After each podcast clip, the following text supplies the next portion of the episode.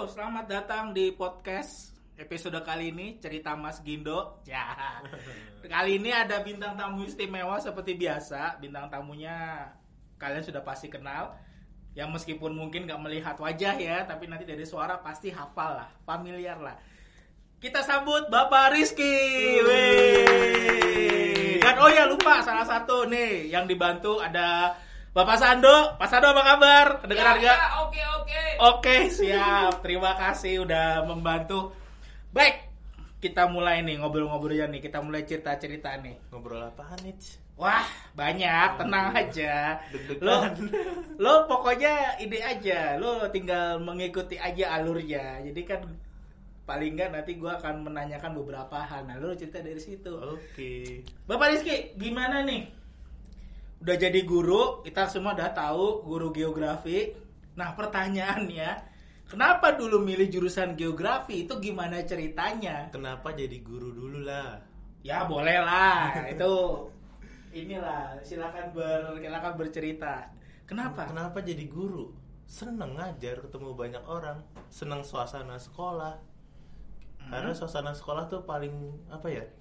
Kita pengen balik lagi rasanya ke sekolah gitu. Nah, itu salah satu cara kita biar bisa balik lagi ke sekolah adalah dengan jadi guru. Jadi guru. Oke, bentar-bentar. Lulusan mana sih waktu kemarin kuliah nih? Lulusannya UNJ.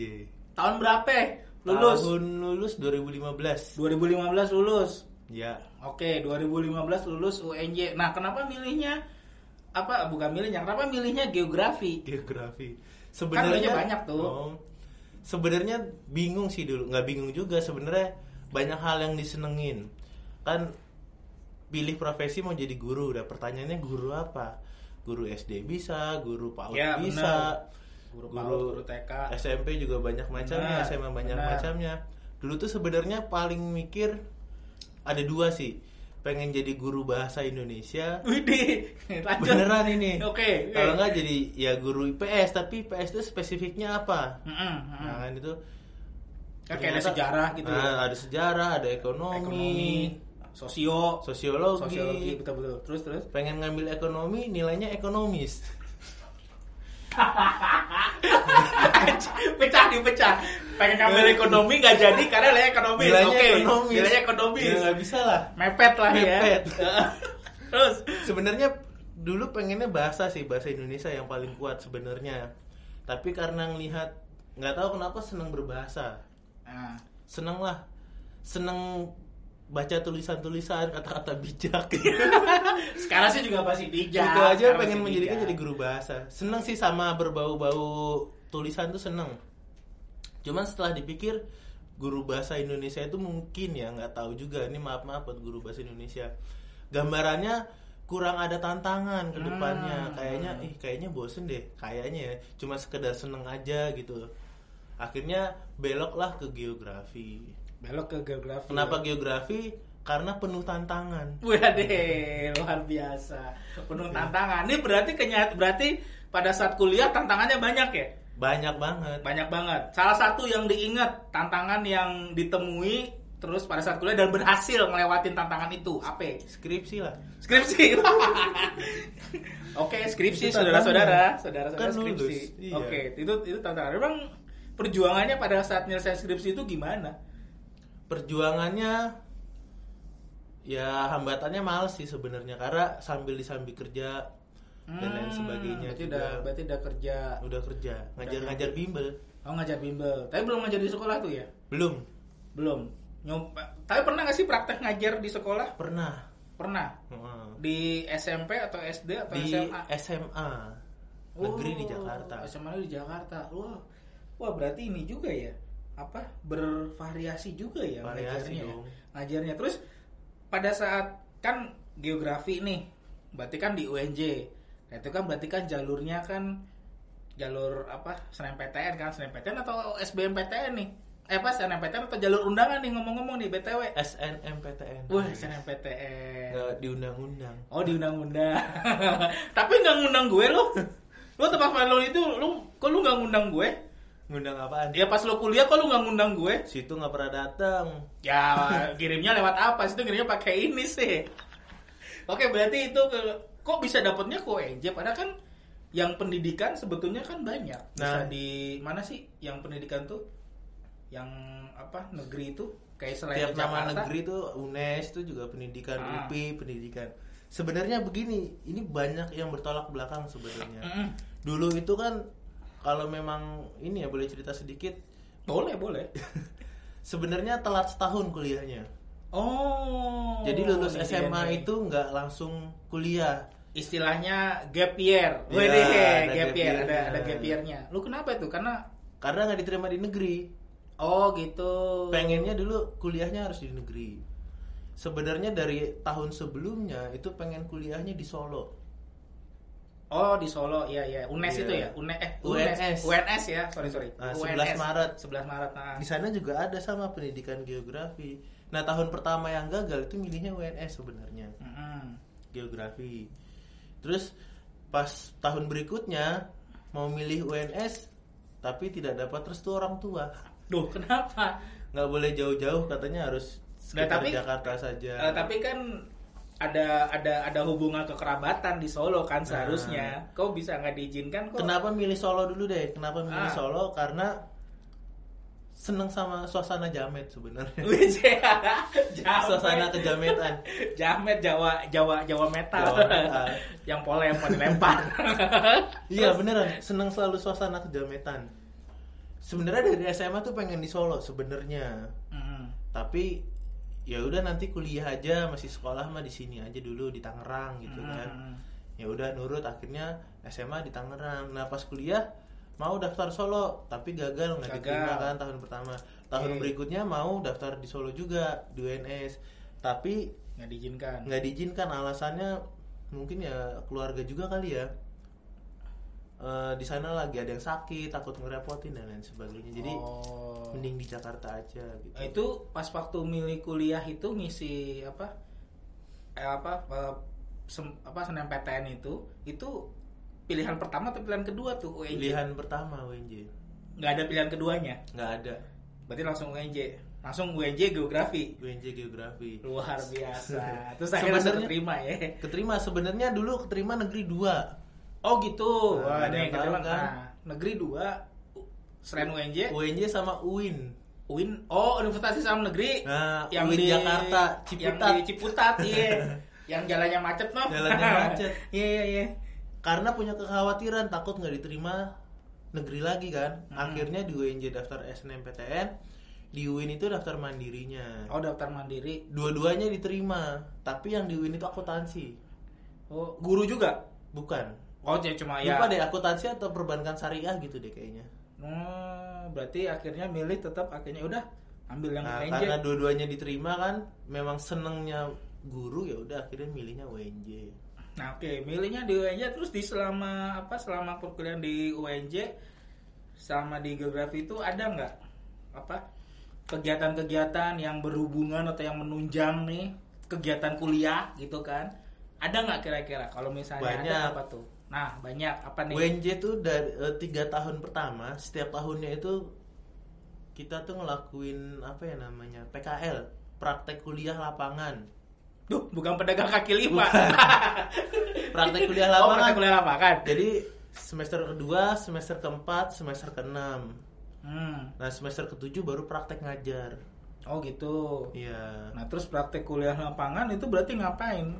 Lapangannya kan kalau geografi berarti apa? Ngukur ngukur panjang bumi? Ngukur gunung. Wah ngukur gunung. Eh ente kan UNJ juga ya? Lupa baru ingat. Wah Pak Sadu juga UNJ juga nih. Ngukur gunung.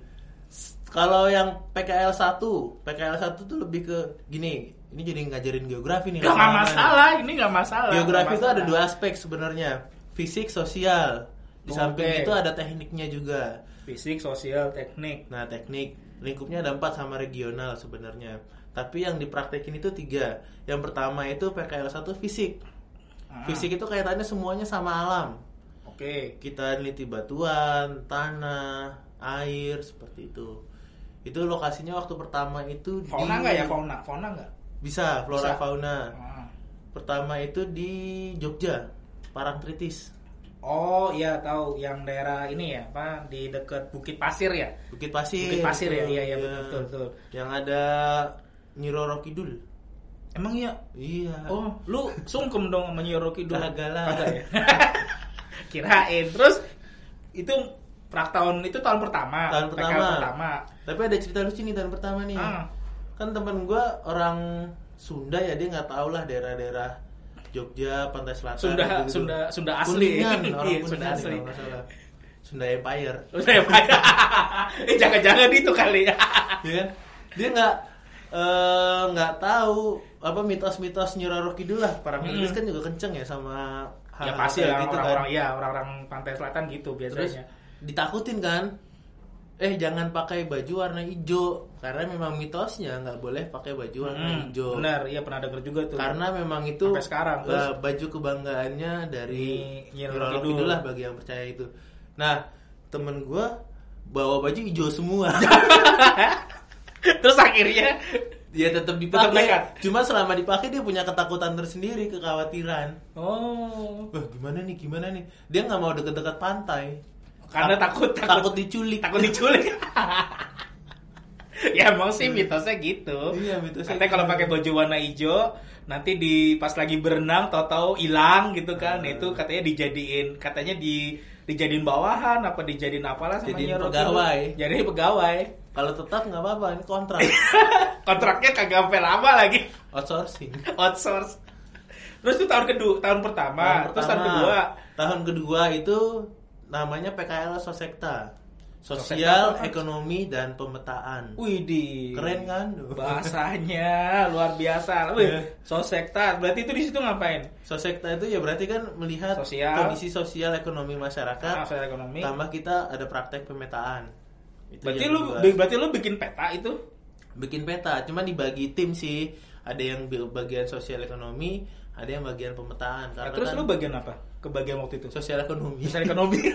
ya karena lu ekonomi sih. Lu nilai ekonomi lu ekonomis tuh. Jadi dimasukin ekonomi Iya. kan kualat lu. itu PKL kedua. Di mana itu? PKL kedua itu di mana ya lupa. Musi Banyuasin. Sumatera ah, Selatan. Palembang. Palembang tapi ke arah Kok lu utara kuliah jalan-jalan mulu sih lu? Itulah asiknya geografi jalan. Ya, lu kuliah jalan lu curang lu. Wah gila. Jalan-jalan. Lu pasando aja lu kagak pernah jalan-jalan nih, jalan-jalannya cuma dari dia doang, naik bis doang.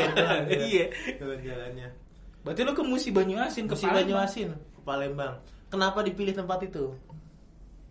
Kenapa nggak milih tempat ya? Apa emang Kenapa iya, itu tuh sebetulnya tempat? ditentukan nggak sih?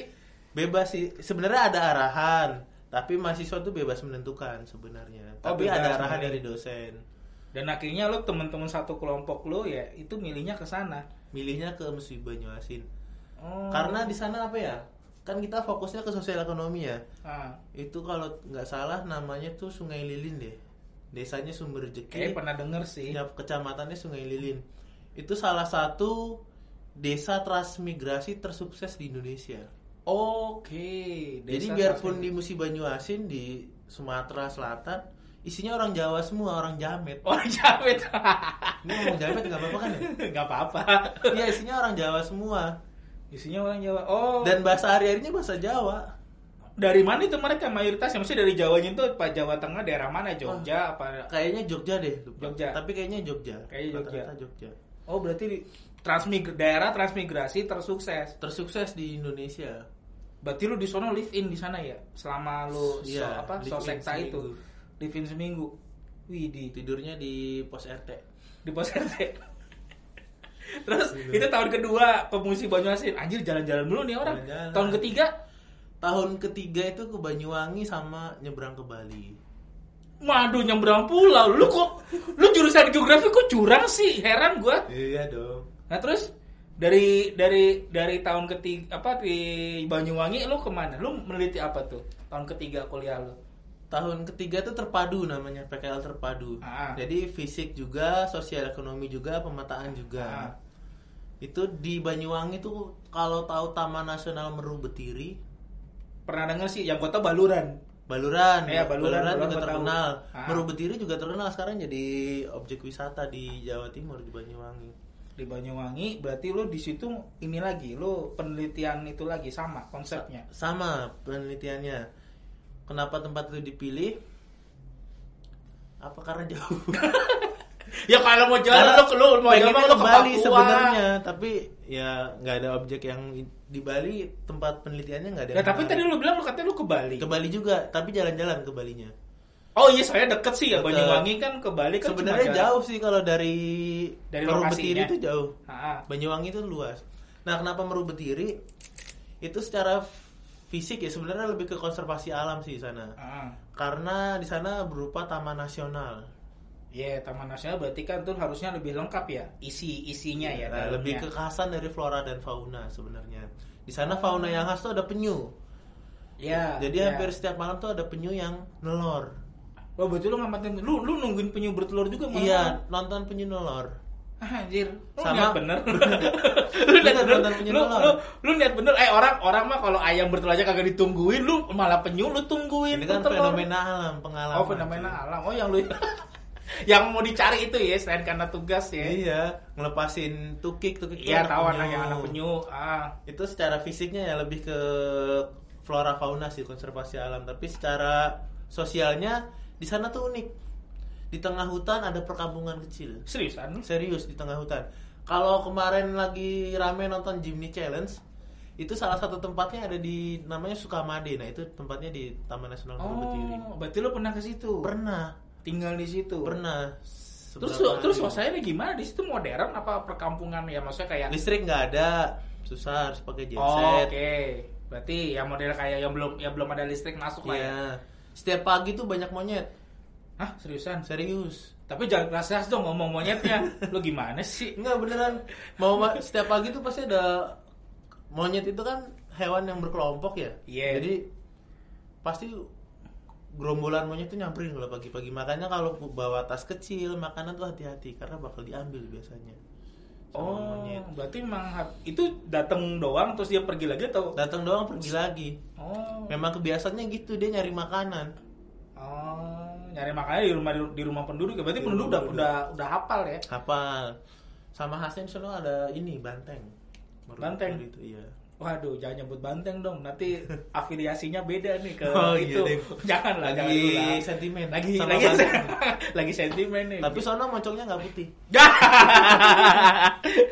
Mocongnya putih ya. Sorry Nah. boy. Terus itu tahun ketiga Banyuwangi. Nah, terus tahun keempat ya berarti ya. PKL keempat ya terakhir ya. Empat, praktek ngajar. Praktek ngajar. PPL. Oh, lu udah praktek ngajar berarti ke tadi kan lu bilang ke SMA ya. SMA. negeri. negeri. Terus pengalamannya pertama kali praktek ngajar gimana lu? Maksudnya lu menghadapi banyak anak, banyak orang gitu kan? Ya kan lu dari bertemunya kan banyak orang, tiba-tiba lu sekarang bertemunya sama anak-anak murid, lu ngajar materi gitu gimana? Lu pertama kali lu praktek ngajar, Pertama kali gimana? Langsung seneng aja sih enjoy.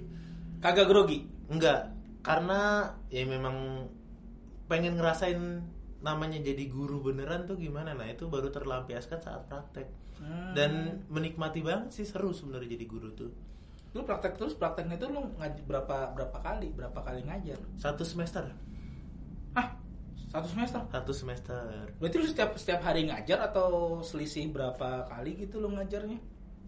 kalau dulu namanya PPL ya ini mungkin agak beda sekarang kalau PPL dulu tuh hampir setiap hari jadi jadwalnya mengikuti jadwal Jadwal yang di di sana sekolah ya. ya tapi kalau sekarang namanya PKM deh kalau tidak salah tuh PKM tuh cuman dua bulan dan itu nggak full ngajar Wih, gitu sampai ngajar berarti lu udah punya pengalaman ngajar di SMA ya. Tapi Benar. akhirnya lu milih udah akhirnya juga lu ngajar di SMA jadi klop lah, sinkron lah. klop lah jalan hidup Jalan hidup. berarti lu praktek aja cuma SMA doang. SMA Kagak ada praktek ngajar untuk SMP apa SD gitu enggak kagak. karena geografi kan SMA doang SMP nggak ada SMP kan ada pelajaran IPS, cuy. tapi kan masuknya ke IPS di UNJ itu ada IPS sendiri ada jurusan Oh, gitu? IPS sendiri ada Gue pikir sama loh. Geografi itu ya maksudnya gini, guru geografi berarti otomatis dia di SMP bisa ngajar geografi. bisa Bisa. bisa Bisa. Berarti tapi tapi lu memang khususnya hanya Lebih di hanya spesifik ke di- SMA. Oh, lebih spesifik ke SMA. tapi bisa sekarang misalnya ini ada lowongan guru SMP IPS Hmm. bisa terima guru geografi dan masih linier guru geografi Oh masih oh masih linear ya. Gila bahasanya linear lu. Keren bener. lu kok curang sih? Gue pertanyaan lu kok curang banget jalan-jalan. Nah terus lu selain jalan-jalan pas kuliah kan lu juga jalan-jalan ke tempat lain dong. Gue denger kan lu naik gunung katanya. mendaki gunung lewat Mendaki lembah. gunung lewati lembah.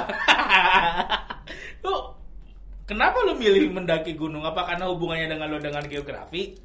Sebenarnya karena lingkungan. Hmm. Anak geografi itu ciri khasnya adalah naik gunung. Lebih Oke. ke ininya sih, lebih ke apa? Objek studinya lah, kajiannya kan lebih ke gunung. Ah. Bahkan baru masuk pun, Hah? kalau angkatan gue tuh tahun 2010 baru masuk tuh ospeknya kalau yang lain mah di kampus. Mm-mm. ini di gunung. Seriusan? Iya, di Papandayan.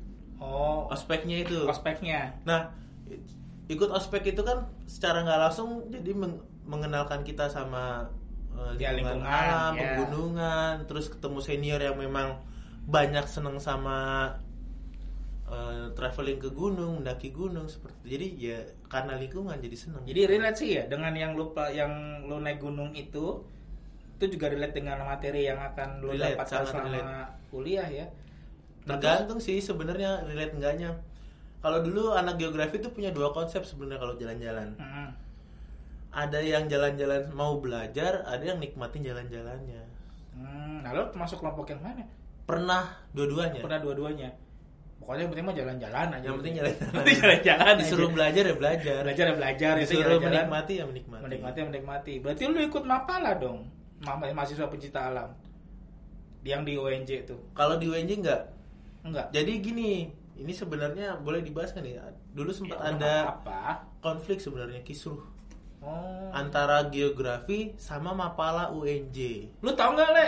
Mas Ando, tahu nggak lu konfliknya? Nggak tahu gua. Oh, lu nggak tahu Iya. ya? Gua anak, anak ini gua gedung S gua. Bener, di Gedung S. Oh, iya, iya, iya. Gedung K kalau FIS tuh kotor, kumal. Gedung K ya. Iya. Nah, terus berarti ada sempat ada gesrek ya? Iya. Karena UNJ tuh punya Mapala sendiri sebenarnya. Namanya Eka pasti lah. Citra. Ah, pastilah Nah, pasti. geografi juga ada dalam tanda kutip Mapala, tapi sebenarnya bukan Mapala. Ya karena memang memang memang dari anak geografinya memang harus ke naik Nah, gunung ya. itu. Nah, eh, punyanya geografi itu sebenarnya lebih ke kajian sebenarnya, lebih ke ilmu pengetahuan. Jadi nggak cuman eh, Naik gunung. naik gunung itu enggak, tapi ada kajian dan tidak hanya naik gunung. Bisa lu juga susur belajar, goa, bisa Iya. susur pantai, kita belajar gitu. Jadi beda. Oh beda ya. Ya kok ya bener yang setahu gua kan konsep Mapala kan berarti lu naik gunung, lu ya camping di sana, kemudian lu ya maksudnya berkenalan dengan alam segala macam ya sekedar itu kan. Iya. Apa sih kata-katanya itu jangan meninggalkan apa eh jangan meninggalkan apa pun kecuali foto ya atau Iya. apa sih itu bahasanya itu gue lupa. Banyak lah itu. Ya maksudnya kenangan kenangan kenangan maksudnya kata-katanya kan kayak gitu yang kita alam. Tapi kalau lu kan khusus geografi berarti lu naik gunung tapi kan lu juga belajar gitu Belajar. konsepnya Kalau yang yang di geografi ya gitu. yang yang yang dalam tanda kutip mapala versi geografinya iya. ya sebenarnya Terus- konsep apa? yaitu ya itu apa dengan adanya kondisi kayak gitu gesekan gitu terus jadinya gimana apakah akan tetap bubar atau gimana itu Ya sebenarnya nggak tahu sih duduk perkaranya gimana. Dulu gara-gara ada event di TV, anak Oh. geografi pakai nama Mapala. oh gitu Nah, Mapala itu identik sama organisasi yang sudah ada di sebelumnya kampus, di kampus, ya gitu. pastilah setiap kampus kan juga ada mapalanya Nah, merasa dicatut atau gimana namanya jadi agak sedikit konflik tapi sudah selesai sih sekarang. selesai oh ya udahlah maksudnya ya itu ya memang sebetulnya secara konsep kalau bagian ngerti ya beda terus lu berbicara naik gunung lu udah naik gunung apa aja di Pulau Jawa Naik gunung baru sedikit.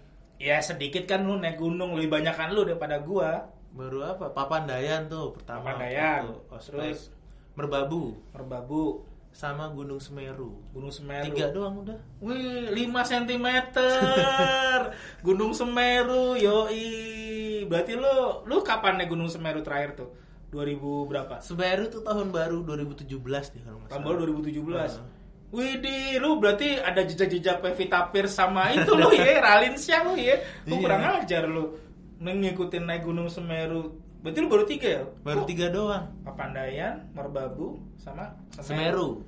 Tapi yang terakhir itu udah luar biasa cuy. Semeru, biasa. puncak tertinggi Jawa tuh katanya. Bener, Semeru tuh gunung tertinggi di Jawa. Iya gunung tertinggi di Pulau Jawa, gunung api tertinggi di Pulau Jawa. Lu kagak ada rencana mau naik gunung lagi? Rencana naik gunung ada sih sebenarnya. Sebenarnya gini deh, kenapa cuma tiga? Dikit sebenarnya kalau buat hitungan orang yang Ah, bagi gua mah tuh udah banyak. karena dulu awalnya gue tuh takut daki gunung sebenarnya bukan takut sih tapi ngapain sih Khawatir. melakukan ke kegiatan yang melelahkan Capek, capek-capek iya, iya gitu sih, emang capek, emang. keluar ongkos capek-capek gitu tapi ketika udah naik sekali jadi wih seru ternyata bikin ketagihan gitu Ah, terus lu ya, ya itu pada akhirnya lu jadi naik gunung, lu jadi ini, lu kenapa nggak naik gunung gede? Kan gunung gede katanya kan itu. nah gunung gede tuh sebenarnya nah itu tadi alasannya. Ah, karena dulu awal-awal diajak ke gunung nggak pernah mau. Karena Hmm. ah ngapain sih capek-capek? Terus peralatannya ribet terus mahal. Ke atas cuma dapet capeknya doang pegelnya juga gitu kan. Hmm. nggak mau. Terus akhirnya punya diajak mau nah malah jadi seneng naik gunung gitu. Oh, emang pada saat ini ini ini ini kan terlepas dari lu mengatakan bahwa ah capek ribet tapi pada akhirnya lu berhasil naik gunung. Terus begitu lu sampai puncak, lu ngerasain apa sih? kepuasan Puasan. kita Nggak cuma sekedar melihat matahari terbit. Lu ngeliat matahari terbit nggak sih di situ di puncak? melihat di Sunrise puncak merbabu sunset. sih Oh, puncak merbabu. Iya. Yang dirasain apa ya? Ngerasa bersyukur sih pertama tuh. Ada yang nangis temen gue tuh. Seriusan? Iya. Karena mungkin nangis berjuang sama nangis bersyukur sih. Ternyata alam itu indah sebenarnya. Ciptaan Tuhan lah. Iya, indah. ciptaan Tuhan nih. Berarti Jadi itu yang ah, ya itu buat kita jadi wah ternyata Tuhan luar biasa sebenarnya. Ya. Sang pencipta tuh luar biasa menciptakan alam yang indah. Hmm, berarti itu kepuasan itu ya. Kayaknya Kepuasan kayaknya itu. kayaknya nggak kayaknya nggak bakal bisa digantikan kayaknya ya kepuasan itu ya. Iya, nggak bakal bisa digantikan. Seru sih ceritanya juga dalam perjalanannya seru. Ada ada cerita kocak nggak pada saat lo naik gunung tuh? Cerita kocak. Apa ya? Ada sih paling pas naik berbabu sebenarnya. Ah. Naik berbabu tuh 13 orang sebenarnya. Banyak loh. Banyak rombongan. Biasanya kan ya paling banter 5, 7, 8, 8 lah gitu loh. Nih rombongan 13. 13 orang. Ganjil lagi tuh. Ganjil, udah ganjil 13 Ganjil lagi. 13 lagi lo. Ya kan? Ada naik berbabu tuh temen yang gendut. Badannya tuh gemuk ya. Gemuknya gemuk banget. Hmm. itu pas sampai di mana ya lupa di pos 3 deh setelah pos 3 atau sebelum Sabana satu itu Pos 3 itu pos terakhir ya? enggak masih ada lagi ada Sabana 1 Sabana 2 Oh. kalau di Merbabu Ah, ah, ah. itu ada yang tanjakan yang curam sebenarnya jauh dan curam nah temen yang gemuk itu salah nginjek sebenarnya dia salah apa sih napak gitu. Ah. akhirnya dia naik nggak bisa turun nggak bisa. Jadi Nah, nemplok aja kayak bunglon gitu. Lama banget situ. Diceng-cengin tasnya sampai dibuang. Terus? Ya akhirnya dirayu-rayu. Terus gimana terus eh, itu itu tadi dulu gue tuh gue tuh nggak bisa ngebayangin. Itu dia bener-bener nemplok di tebing gitu. nemplok di tebing terus dia jalan susah. Dia jalan nggak bisa karena takut apa karena Karena gimana? takut. takut. Naik takut turun nggak bisa. Berarti itu posisi di tengah-tengah tuh di dia tengah-tengah. Oh, terus akhirnya gimana tuh dia berhasil berhasil lewatin akhirnya ya lama dirayu-rayu dulu. Terus tasnya dibuang sama dia. Terus teman ada yang bawa tali ditarik dan orangnya akhirnya dan akhirnya bisa? Akhirnya bisa. Tapi jadi ceng-cengan terus panjang perjalanan. Ya iya sih tapi dia bisa sampai puncak berarti ya bisa sampai puncak dia Nah, nih tuh nih nih motivasi nih. Ini kalau naik gunung lo harus prepare dan ya sebetulnya nggak ada nggak ada masalah fisik ya asalkan lo sehat aja kali ya. Maksudnya kalau kalau kalau kalau fisik lo maksudnya ya mungkin tadi lo bilang gendut apa gimana itu kayaknya nggak jadi soal ya. Kalau memang lo sehat lo mampu sebenarnya nggak apa-apa ya. sebenarnya ya kalau memang sehat mampu berarti kan memang nggak ada kendala tapi fisik itu kalau kalau gua sih biasanya gini sama temen-temen misalnya kita punya planning daki gunung satu bulan ke depan Mm-mm. nah dua minggu atau tiga minggu sebelum naik itu olahraga biasanya Hmm. lari atau main badminton kayak gitu jadi jangan jangan apa ya jangan benar-benar tanpa persiapan fisik juga sih kalau memang baru pertama atau nggak biasa untuk Naik gunung eh, ya.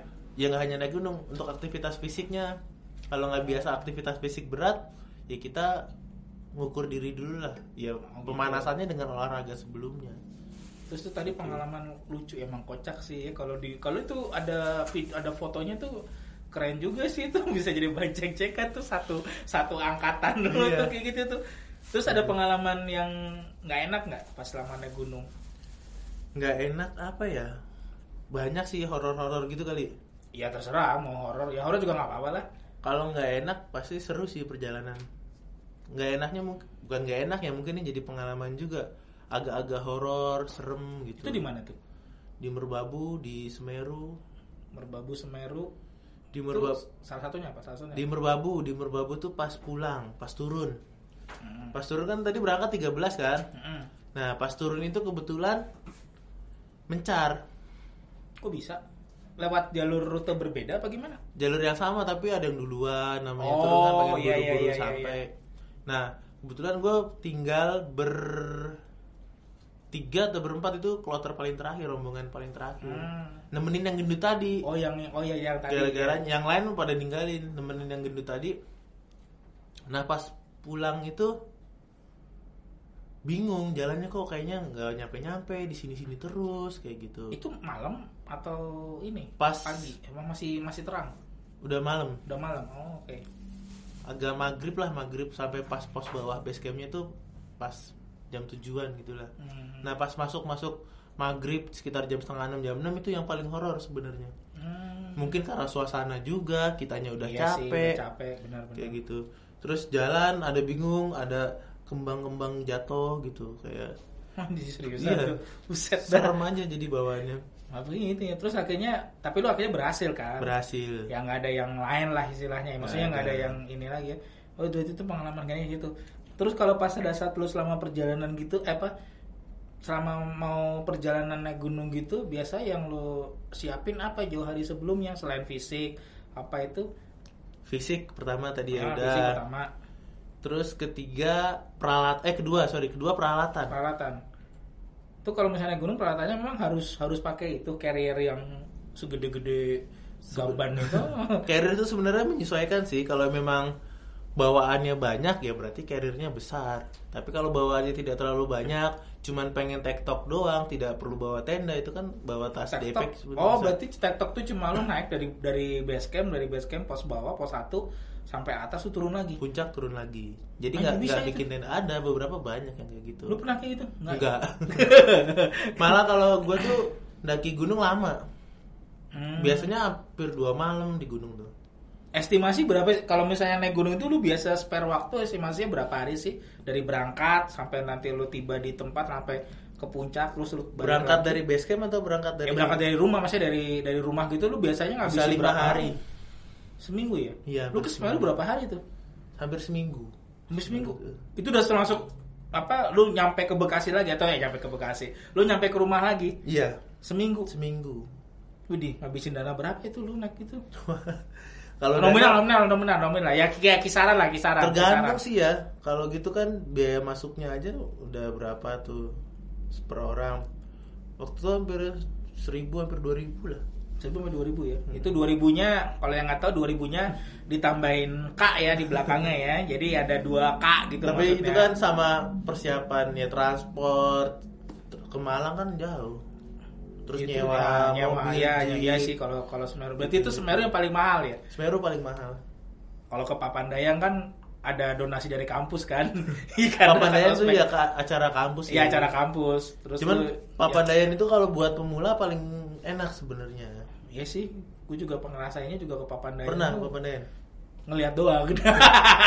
Kayaknya sih enak gitu, maksudnya nggak terlalu tinggi. Kalau gunung gede kan lumayan tuh 2.800-an loh. Iya. Papandayan kan cuma 2.200-an. Dan Papandayan tuh motor aja bisa sampai puncak. Nah iya makanya, ya makanya itu kalau Papandayan terus ke Merbabu berarti ke Merbabu berapa hari lo ke ke Semarang kan tadi udah seminggu.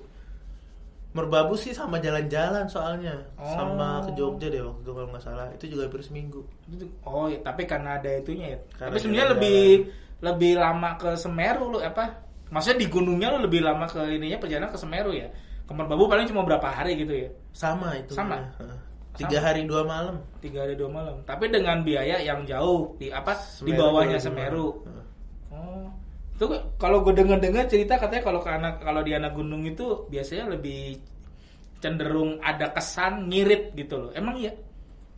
Sebenarnya ngirit boleh, tapi kan lebih utamain apa keselamatan. Irit apanya dulu nih? Ya kayak misalnya kan kalau misalnya ngirit ya kayak ngirit transport, kemudian juga ngirit yang apa kayak baju, apa yang Oh, lain-lain itu. kayak gitu-gitu. Bisa sih irit makan kayak gitu irit. Nah, Tapi kalau gue dulu prinsipnya sama temen-temen tuh bukan mewah juga ya, tapi ngedaki enak lah. hmm, Jadi bawa bekal, bekalnya yang enak-enak. Masaknya yang enak-enak. masaknya enak-enak ya. Gue berarti Karena ingin menikmati nggak mau Nggak mau sengsara. Nggak mau sengsara ya mau jalan-jalan harus. Ya, berarti kan- berarti kan- ada ya. persiapan lah gitu. berarti kan tapi kan pernah kan lo melakukan konsep ngirit dalam transportasi atau dalam hal Pernah. Pernah, pernah. waktu waktu waktu ke mana? Dua-duanya lah ke Dua-duanya. Semeru sama ke Merbabu. Contohnya yang ngiritnya tuh kalau misalnya ke Semeru nggak mungkin lu naik pesawat kan, lu naik Iya. kre- lu naik kereta yang ekonomi lah ya. Naik kereta ekonomi, Naik kereta ekonomi, terus juga baliknya juga perjalanan pun juga kalau bisa ngirit-ngiritin ongkos ya. Iya. Yang term angkot gitu biar kan banyak kan ke Semeru tuh kalau nggak salah juga banyak deh. Semeru tuh 10 orang apa 11 gitu ke Semeru. Jadi Hmm. enak buat nyantar angkot ke mana-mana itu kan lebih hemat. Iya iya benar-benar. Nah terus terakhir lu pengen naik gunung apa? Yang belum kesampaian lu pengen apa? Kan Sebenarnya se- kalau sekarang pengen naik gunung apa yang yang deket aja lah gunung gede. gunung gede. Mm-mm. Iya sih, gue juga belum pernah ke sana. Karena yang paling mungkin lah kalau menurut gua sekarang sih lihat kondisi, waktu gitu-gitu. Soalnya kalau yang jauh-jauh memang seru sih perjalanannya kita naik kereta gitu-gitu. Tapi kalau itu ya biaya besar, waktunya banyak. Kalau yang gunung gede kan paling bisa dua hari satu malam udah selesai. Ongkosnya Iya sih. juga bisa Ongkosnya naik motor. ya bisa naik motor emang bisa naik motor oh berarti lu pengen naik ya pengen naik yang deket-deket aja deket, ya deket-deket aja ya Karena belum pernah malah gunung gede. iya iya meskipun sering ngelihat kayaknya ya oh kayaknya ngelihat dari Iya. jauh dari arah Jakarta kan gunung gede kelihatan itu Iya. oke berarti itu relate lu dengan apa yang lo lakukan terus katanya dengan musik nih kayaknya kombinasi yang pas nih lu juga seneng musik main musik juga. Nah terus naik gunung nih kombinasi yang pas nih. Kayaknya kalau sambil ngopi di gunung kan bawa gitar lalu menikmati senja uh gila indie banget tuh. Lu gimana? Apa dengan dengan musik? Musik lu sekarang gimana? Mainnya apa aja nih? Musik hobi juga sih seneng sebenarnya. Ya. Dari sejak kapan lu bisa main alat musik? Dari SMP deh kalau nggak salah. SD sebenarnya. SD Pianika. ya ta, ibu kita Ibu kartini Kita Kartini. iya benar benar benar lagu pertama Terus apa recorder suling suling ah suling yang juga bisa. Yamaha tuh gue inget banget tuh Putih. yang putih Yang bau. iya Bawa sendiri. terus baru SMP lu bisa SMP main gitar, main gitar punya gitar. punya gitar nah terus dari apa dari apa yang lu lakukan pas musik itu lu cuma bisa main gitar aja Bisa main gitar aja. Nggak ada yang nggak yang lain tapi kan Bisa pun nggak jago, cuman bisa sekedar bisa, nggak mahir lah hitungannya. bapak satu itu kan jago main alat musik no yang ono no yang itu Dia tuh guru musik. ya kan guru musik kan dia juga ternyata menguasainya banyak juga tuh nggak bisa gua berarti lu coba main gitar aja terus Gitar. ya oke di gitar terus lu mau rencana dari gitar itu lu mau belajar atau mau wah nih kayaknya dari musik gue pengen sesuatu ini gitu ada gak kepikiran Pengen belajar bisa alat lain sih sebenarnya. hmm, kayak apa tuh alat lain Biola. biola Beneran pengen bisa main biola. seriusan lo Iya. Anjir, itu berat lo itu susah tuh Cuman modalnya nggak ada buat beli biolanya. eh ada usulan nih buat biola mungkin bisa diupayakan iya biola seru deh kayaknya bisa main biola tuh. Oh lu pengen main alat musik biola tapi kalau misalnya kalau misalnya memang ada ada kesempatan lu mau itu mau benar-benar belajar Bener-bener belajar mau nyoba. Udah lama pengen belajar cuman nggak punya alat. Itu Sebenarnya prinsip susah. belajar main alat musik tuh yang pertama harus punya alat dulu deh. iya bener Iya, pengen belajar gitar ya harus punya harus punya gitar. gitar dulu Pengen belajar biola harus punya biola. Nah itu sayang belinya. kalau mau belajar punya cewek lu punya cewek dulu gitu ya. Kalau mau belajar pacaran lu punya cewek dulu gitu ya. Iya. iya bener-bener. Jangan cuma teori ya. Kayak itu tentang segala hal tentang hobi naik gunung. Anjir lu complicated banget lu. Hobi lu banyak banget lu sumpah. Iya dong.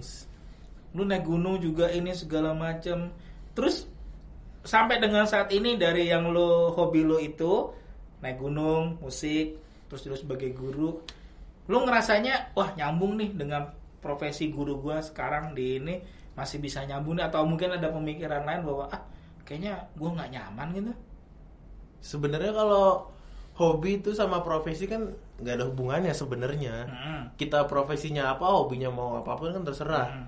Pejabat aja ada main motor, modif kan nggak Hmm. ngaruh. Tapi kalau hobi naik gunung ma- masih relate sih sama apa yang Masih relate. diajarin di kelas kayak gitu. Hmm. Kalau musik ya nggak ada lah. Cuma buat hiburan Gimmick biar keren aja. gimmick lo pernah bikin lagu Nggak pernah. Hah? Nggak pernah. Nggak Nggak bisa. pernah tapi lo pernah nyoba-nyoba bikin apa lagu gitu chord apa nyambung nyambungin nada gitu Pernah sih, cuman ya gitulah hasilnya. Tapi kalau bikin lagu yang utuh gitu nggak pernah. nggak pernah Jadi satu ah, lagu gue pikir gue pikir lo bisa Kan Karena kalau cuma iseng, iseng, iseng doang main Oh, gitar tuh iseng. Mengisi kekosongan waktu. Iya, bukan mengisi kekosongan hati ya. Bukan. Kalau mengisi kekosongan hati mah lain lagi ceritanya. Lain lagi lah. Lain lagi ceritanya. Nah, lu dari itu lu kenapa milih sama Marsud cuy? Dan itu karena karena apa lu kesasar apa gimana? Nah, maksud aneh nih sebenarnya nggak ngerti juga dah kenapa maksud gitu ya. Sebenarnya ceritanya tuh aneh. Lu kan lulus 2015. Lulus 2015. Ah, Katakanlah sidang tuh Juni lah udah lulus tuh. Sidang skripsi. Nah, saat itu memang karena belum pernah ngajar di sekolah secara umum kecuali ya meskipun praktek ya, gitu ya. meskipun udah pernah praktek ya. sebelumnya ngajar kerja tuh bimbel-bimbel doang sebenarnya pengen ngajar di sekolah apa pun Hmm. nah waktu pas bulan Juni tuh nanya teman ada lowongan guru geo nggak di mana aja gitu iya ada nih di Bekasi namanya SMA Marsudiri nih ya udahlah hub- menghubungi kontak personnya kan Ya, hubungin kontak personnya ah. masih tersedia nggak lo nggak dibales Wah, anjir. iya sih. dirit aja enggak Bisa. lu jangan-jangan salah kirim lu. bener Ah, terus akhirnya nggak dibalas. Nggak dibalas. Juni Juli tuh nggak dibalas. Wah ini dirit aja enggak sakit ternyata. Cia. nah baru dibalas tuh memang nggak tahu ya atau jalannya gimana. Baru dibalas September. Dari Juni, Juli ya lu kirim. Juni dikirim WA Ah. nanya. Juli, itu nggak itu Agustus, tuh itu nggak dibalas, nggak ada Nggak respon. dibalas. Nah, terus baru September- direspon September. September Bayangin dua bulan lebih tuh digantungin. terus akhirnya lo direspon, akhirnya lo menanggapi. Direspon menanggapi kebetulan waktu itu pas-pasan juga habis wisuda sih September kan baru wisuda. Hmm. menanggapi ya sudah silahkan dikirim lamaran Ya, pekerjaannya ya, lah segala- persyaratan lah ya. persyaratan terus datanglah ke sekolah nah ke sini datang ke Marsud telinga telinguk ini sekolah apa kayak gitu Oh. sebenarnya sempat nanya sih sama teman kan ada yang tinggalnya di Bekasi juga gimana sekolah Marsud bagus bagus udah ngajar di situ aja nggak apa-apa Hmm. tapi nggak tahu kalau ini sekolah yang dikelola oleh suster Iya, pada waktu itu iya. kan di yayasan ba- di bawah yayasan Ah. kesusteran kayak gitu nggak tahu ini sekolah Katolik tuh nggak tahu ya asal datang aja wih sekolahnya gede juga ternyata kayak gitu terus Hmm. kaget juga ketemu suster karena kan memang nggak biasa kan Ya belum ya memang jarang sih ya. iya Terus akhirnya dari situ lo proses Sampai diterima sekarang. sampai dengan sekarang. Berarti itu 2015 udah lima tahun. lima ya? tahun udah lima tahun di sini Gila lu udah lu Nggak udah lama berasa. juga lu. Iya. Lu nggak berasa lima tahun. Lima tahun lu ini ya, dapat pengalaman apa aja sih? Suka duka ya pasti lah. Tapi ada yang menariknya apa? ya? apa ya menariknya Eh dengar-dengar ada yang ngikutin jejak geografi nih. Itulah ada yang jadi anak geografi nih. Tapi memang dia seneng lah bukan karena gurunya. Iya, ya paling nggak kan itu salah satu ininya kan. Lah gue udah bertahun-tahun ngajar gak ada yang ngikutin jejak gue. Kurang ajar bener Eh, ini. gua ada, gua ada, gua ada. Oh, di ada deh. Ini kurang ajar tuh ada tuh dua orang. Ada, ada. Seniman Ini UNJ ini apa sih gitu loh. Gila, gue Atma aja dikalahin sama UNJ. punya daya tarik sendiri gurunya. Wah gila, yang satu, yang ono ada yang jadi guru musik, yang ini ada yang jadi geografi juga. Di gue bertahun-tahun gak ada yang ngikutin lu. Berarti Lu lu pakai pelet apa sih lu di UNJ lu berdua lu? Heran gue. Terus itu satu kebanggaan dia maksudnya. Lu sempat ada Seneng sih, seneng. cuman ya ngerasa seneng ya seneng aja udah gitu sekitar sekedar Hmm. seneng. Ih ada yang ngikutin itu. Dan yang ngikutin juga anaknya pinter. Ah. Jadi bukan karena asal kecemplung atau bagaimana masuk geografi kayak gitu. Tapi kan Eno kan dia kan di geografi murni kan. Iya, Maksudnya bukan murni. ya bukan jadi guru tapi masih relate lah. Relate lah. kan masih masih relate kan. Ya berarti itu udah lima tahun udah suka dukanya udah banyak juga ya. banyak banget Gila lu emang bener-bener lu multi multi ini banget lu. Cie. multi talenta Multi multi talenta. kayak Agnes Monica gue tuh multi talent iya, multi talent ya. Cinta ini gitu ya. gitu Oke. Pak Rizky, luar biasa nih kayak kita udah banyak nih panjang lebar ngomong tentang Pak Rizky, tentang hobi, tentang segala macam. Sekali lagi thank you, udah banyak bercerita, udah sharing tentang ya segala hal, mulai dari kuliah, pengalaman naik gunung, pengalaman apa relate-nya kuliah dengan hobi sampai sedikit di Marsud ceritanya dan akhirnya kita tahu dan ya mudah-mudahan nih pendengar bisa meng, bisa mengambil makna. Gua nggak mau menentukan bahwa ini harus begini harus begini. Terserah pendengar deh. Pendengar cerita Mas Gindo yang akan menentukan. Ih, gue dapet ini, gue dapet sesuatu dari sosok seorang Rizky Saputra, guru geografi SMA Masudiri Bekasi. Yoi, luar biasa. Oke, sampai jumpa lagi eh, di episode yang selanjutnya. Terima kasih sudah mendengarkan di episode kali ini. Sampai jumpa lagi di podcast berikutnya di cerita Mas Gindo. Dah, salam sejahtera, salam sehat semuanya.